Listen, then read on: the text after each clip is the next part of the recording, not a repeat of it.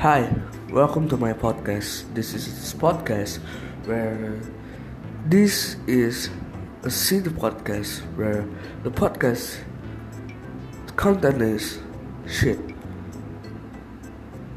Like trash, shit. Not trash, trash, trash. Just trash. Thank you.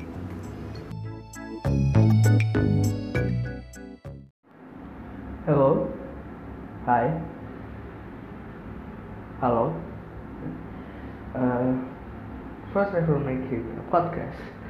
So this is the first first episode of my podcast. I hope people don't listen it too much or people doesn't hear it because I'm shy about this first episode of my podcast.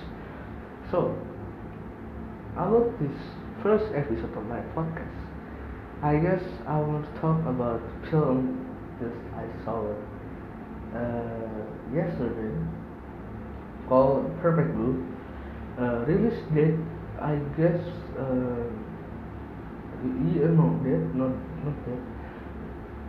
Year of release this film is 1997.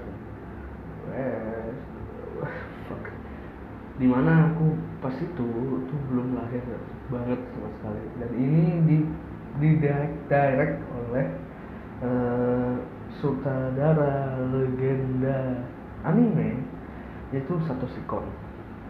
He's a legendary of this fucking film anime guess. Uh, di sini gue mau bahas uh, mengapa film ini menurut gue uh, layak untuk dibahas. Pertama nama judulnya Perfect Blue dan gue ngasih red film ini mungkin terlalu operated untuk kalian para pendengar uh, red yang gue berikan di film ini tuh tidak seperti IMDb yang 8,2 mungkin IMDb itu dapat dari kritikan kritik. Tapi menurut gue ini film itu 10 out of 10 karena menurut gue itu uh, anxiety from this film is between uh, oh shit. Menurut gue film ini sama seperti Black Mirror yang ada di series Netflix dan Truman Show but different is different uh, di mana perbedaannya adalah di sini membahas mental issue. Uh, membahas mental issue mental mental health dan apa pun itu. Dari seorang wanita yang bernama Kirigore Kirigore Mima atau yang biasa kita biasa balik adalah Mima Kirigore. Uh, di sini satu satu sikon mencoba uh, menggunakan penceritaan yang sederhana dari awal sampai tense yang dibangun di tengah film sampai akhir film itu sangat bagus rapi menurut gue. Di sini menurut gue storynya yang dibuat oleh Kon dan uh, pengambilan gambar juga menurut sangat bagus walaupun gue itu gak terlalu uh, paham dengan peranimian dan perfilman tapi menurut gue uh, gambar yang diambil dengan gambar film yang asli atau yang anime dengan yang asli itu berbeda. Di sini mungkin uh, uh, mungkin di anime ini yang diambil dari uh, segi gambar mungkin lebih banyak ya. Mungkin mungkin karena itu. Jadi menurut gue itu lebih kompleks dalam pengambilan gambarnya. Lebih lebih long lebih yang lebih luas jadi agak enak gitu. Karena mungkin ini anime gitu. Uh, still maksud gue uh, ini film tuh menurut gue tuh bagus banget. Entah entah kenapa menurut gue ini mungkin film tergila yang pernah gue tonton. Film anime tergila. Walaupun gue masih mengiyakan bahwa studio Ghibli itu film dari studio Ghibli itu masih bagus. Tapi gue harus kan film dari studio Ghibli yang yang sangat pertama kali gue tonton straight away itu harus gue turunkan ke posisi kedua untuk menaikkan posisi pertama film ini karena gini kenapa gue menaikkan dia ke top one? Eh top three my anime film? Karena gini uh, pembahasan yang dibawa oleh satu sikon walaupun ini pak film tahun 1997 di mana gua belum sama sekali ini film itu dibuat itu masih related terhadap kasus yang ada sekarang gitu yang ada mungkin di Indonesia atau di mana pun gitu. menurut gue itu still still relate untuk kita saat ini gitu karena pembawaan cerita pembawaan karakternya pembawaan dari segi figuran figurannya itu eh, sangat-sangat gila ya. eh, tapi sebelum gua bahas agak lebih lanjut gua membahas sinopsis yang mungkin ya. Membahas sinopsis ini eh, mungkin ya ini film mana ya kalau gua membahas sinopsis ini. Mungkin mungkin begini ya. Sinopsis awal itu adalah di mana menceritakan uh, si Kirigore Nima ini uh, ingin ah salah. Gimana sih? Ceritanya? Aduh wajar ya maaf ya. Ini tidak di teks karena ini langsung dari pemikiran juga. Uh, nah, kalau aku ngomongin berbuat tapi begini. Hmm, gimana ya sinopsisnya? Oke. Okay. uh, menceritakan cerita tentang kehidupan si Kirigore Nima seorang wanita ya yang berasal dari girl band yang bernama Chen yang ingin meneruskan karir karir karir karir apa ya namanya karir di dunia per entertainment itu di Jepang pada tahun 1997 juga ingin menaikkan pamornya ke ranah ke ranah per televisian atau biasa dibilang perfilman lah bisa, bisa juga dibilang begitu nah di sini filmnya itu menunjukkan bahwa uh, uh, gimana ya? Saat dia sudah di ada di ranah uh, tersebut banyak hal-hal yang bisa menggak apa mengganggu dia gitu. Saat dia sudah naik pamornya saat dia sudah melakukan hal yang tidak senonoh gitu. Dan ini film menurut gua tidak terlalu vulgar. Vulgar sih untuk anak-anak tuh vulgar untuk keluarga juga vulgar. Tapi menurut gua tuh belum terlalu vulgar gitu. Karena gue bukannya gue juga harus cari tontonan yang harus vulgar kayak hentai ya enggak. Atau ecchi ya enggak juga. Uh, ini film itu menurut gue itu sangat sangat vulgar sih vulgar sih. Mana ya kok gue jadi bimbang ya? Ini film vulgar. Secara cerita itu vulgar banget. Secara cerita vulgar secara pembawaan karakter juga vulgar memang itu vulgar dan di sini tuh membahas mental issue seperti yang gue bilang mental issue. Di mana gue itu masih bingung gitu. Uh, si Kirigore sih Kirigore ini itu kenapa gitu? Di akhir film juga dijelaskan bagaimana tapi di dalam film tapi dia dijelaskan bagaimana di awal film dia diceritakan bagaimana. Jadi di tiga babak film itu kita dijelaskan bahwa kiri goreng itu kita tuh harus menembak gitu. Dia orang kenapa kita tuh harus dapat POV dari si cewek. Gimana sih gimana sih? Gitu. Karena kita mungkin kalau nonton pertama kali ini film itu menunjukkan si uh, POV dari kita untuk terhadap si cewek ini. Loh oh begini? Oh begini? Tapi menurut gua menurut gua nih kita harus mengambil uh, sisi dari atau VOV dari si kiri goreng ini menurut gua gitu, karena ada ada karakter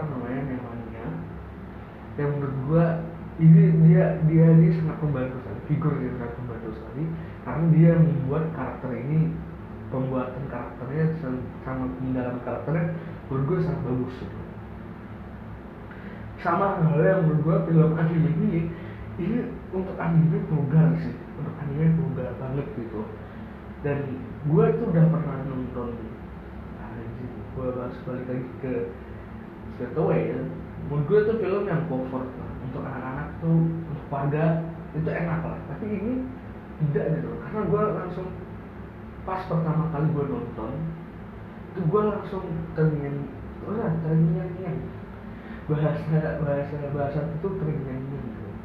Terngiang atau terbayang-bayang terbayang-bayang. Apa ya? Rokok. Untuk bahas film ini itu menurut gue tuh kompleks banget sih. Karena setiap penjelasan babaknya itu berbeda-beda seperti yang gue bilang tadi penjelasan babaknya itu berbeda-beda setiap peng, pembagian cerita juga berbeda setiap karakter seperti bagaimana Mima saat di, dia menjadi idol pop saat dia dihantui saat dia acting saat dia di mana dia harus ber, berhadapan dengan masalahnya sendiri. Menurut gue ini adalah salah satu uh, salah satu film anime yang menurut ini fuck up sih. Dark sih dark. Dark dark karena apa? Karena menurut gue ini salah satu hal yang related banget tapi tabu untuk dibahas gitu. Karena mungkin ya ini terjadi saat uh, di dunia perindustrian film gitu. Mungkin di Indonesia atau di luar gitu. Seperti itu apabila memang si berlima ini sudah terkena mental isu saat dia mengkritik itu berarti antara lain adalah bagaimana si berlima ini mencari, memiliki mungkin ya dalam penjelasan gue dalam teori ini apakah dia memang Tuhan memiliki kepribadian ganda gitu karena gini di setiap filmnya atau di setiap di setiap dialognya itu dia kita dikasih petunjuk. Kita dikasih petunjuk film kita mau ditunjukkan bagaimana? Gitu. ini ini bagaimana?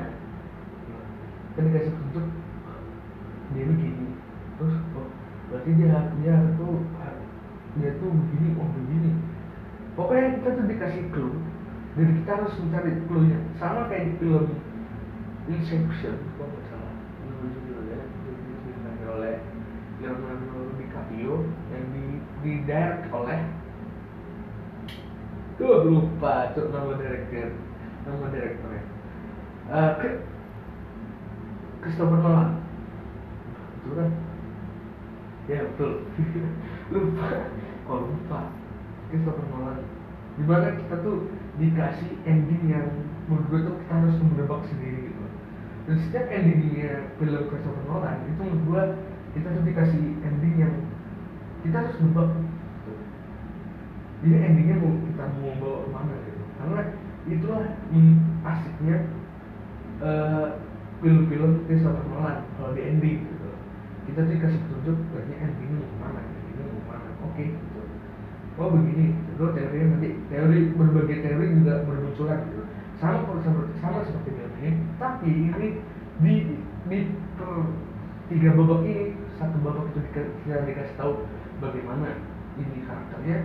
Terus pemantauan karakternya persiapan karakternya itu dikasih clue. Kita tunggunya di akhirnya dia mau bagaimana. Karena dikasih akhirnya begitu tapi di tengah dia begini eh tapi di awal begitu. Jadi kita bingung gitu. Tapi menurut ini adalah salah satu film anime yang menurut gua fakta ini bagus banget anjing. Rest in Peace satu sikon. Rest in Peace Legend. Ini film karya terbaik satu sikon menurut gua. Ini adalah salah satu film yang gila banget. Fuck up banget lah film ini gila gue gak tau lagi gue gue gak tau lagi. Gue tau lagi gue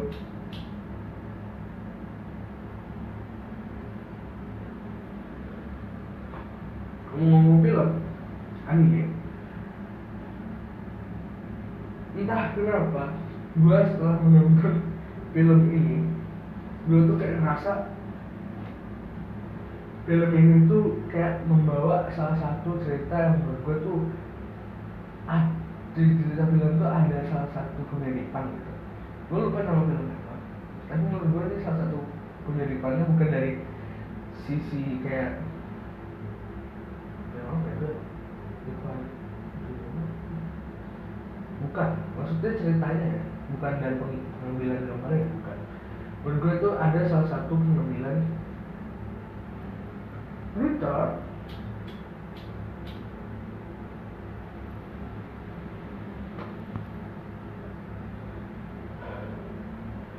yang di mana cerita ini itu hampir sama tapi berbeda orang atau berbeda plot gitu. ini plot itu berat banget menurut gue karena plotnya kompleks menurut gue sih menurut gue yang masih awam terhadap dunia perfilman dan terakhir perfilman ini gue ini udah cukup kompleks karena kita seperti yang gue bilang per tiga babak dari awal tengah akhir itu kita dikasih clue kita tuh mau bagaimana karakter ini di akhir. Seperti apa gitu. Jadi persiapan karakternya itu mungkin dari awal itu kita sudah menunjukkan eh bukan kita menunjukkan uh, directornya sudah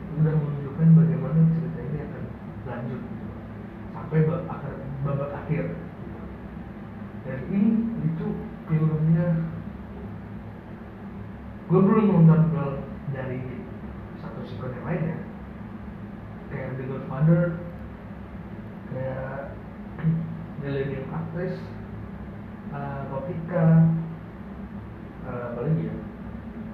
Kayak film apa ya satu sekolah hmm.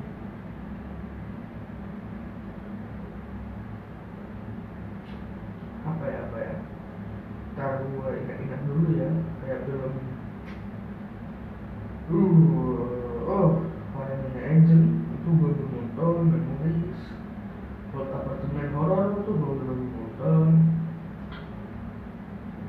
dan ini pertama kalinya gue nonton yang Perfect Blue dan menurut gue ini salah satu film dan karya terbaik dari legenda satu sikon gila. Ide ini kalau nggak salah itu cara pengambilan gambar ada yang sama guys dari film apa ya? Gue lupa lupa. Dari situ gue nyari ceritanya tuh agak kompleks dan setiap review dari orang-orang yang pernah nonton ini itu mereka menjelaskan bahwa ini film tuh fucking fucking cool man. Fucking great as I imagine.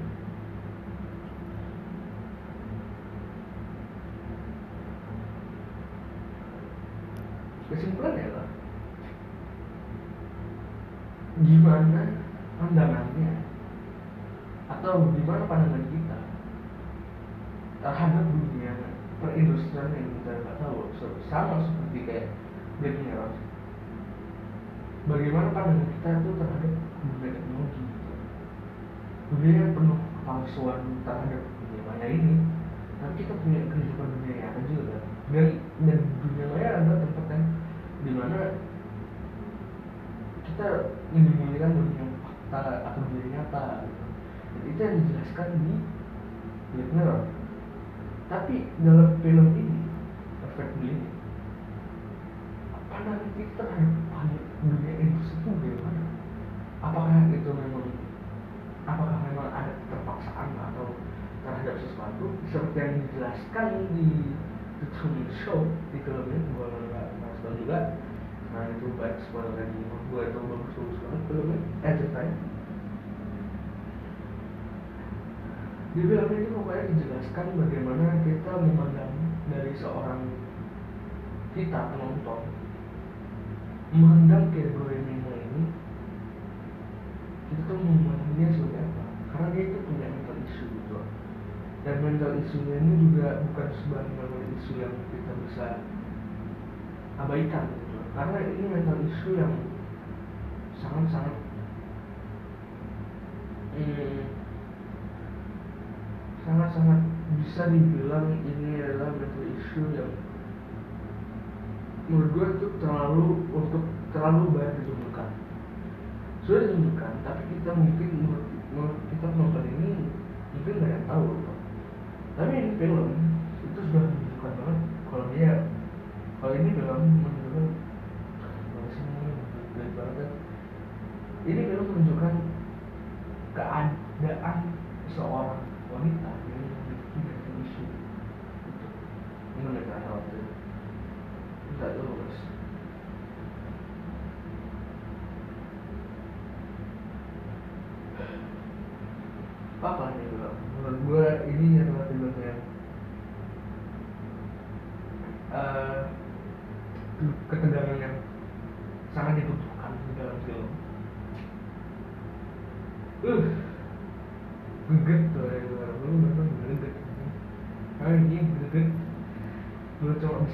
Ngomong.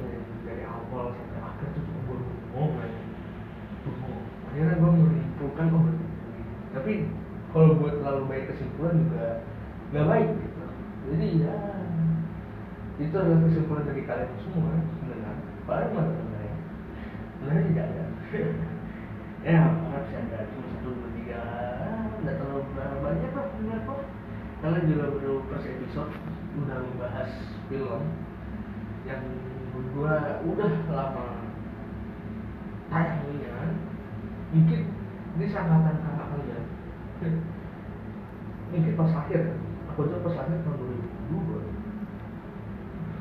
tahun 2002 tahun 2002 gitu.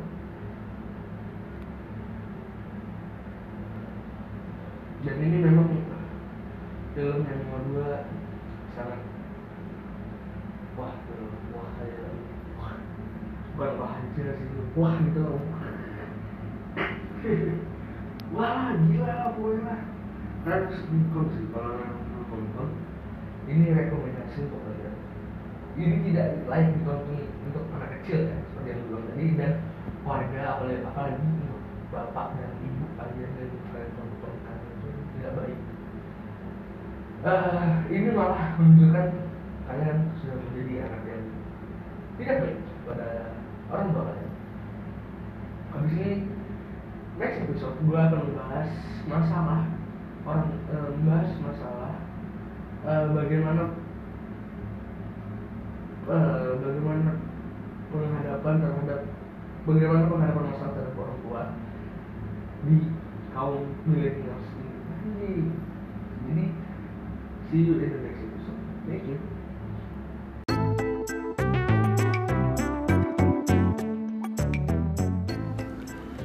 Thank you to enjoy our podcast. I hope you enjoy this podcast and see you in the next episode. See ya.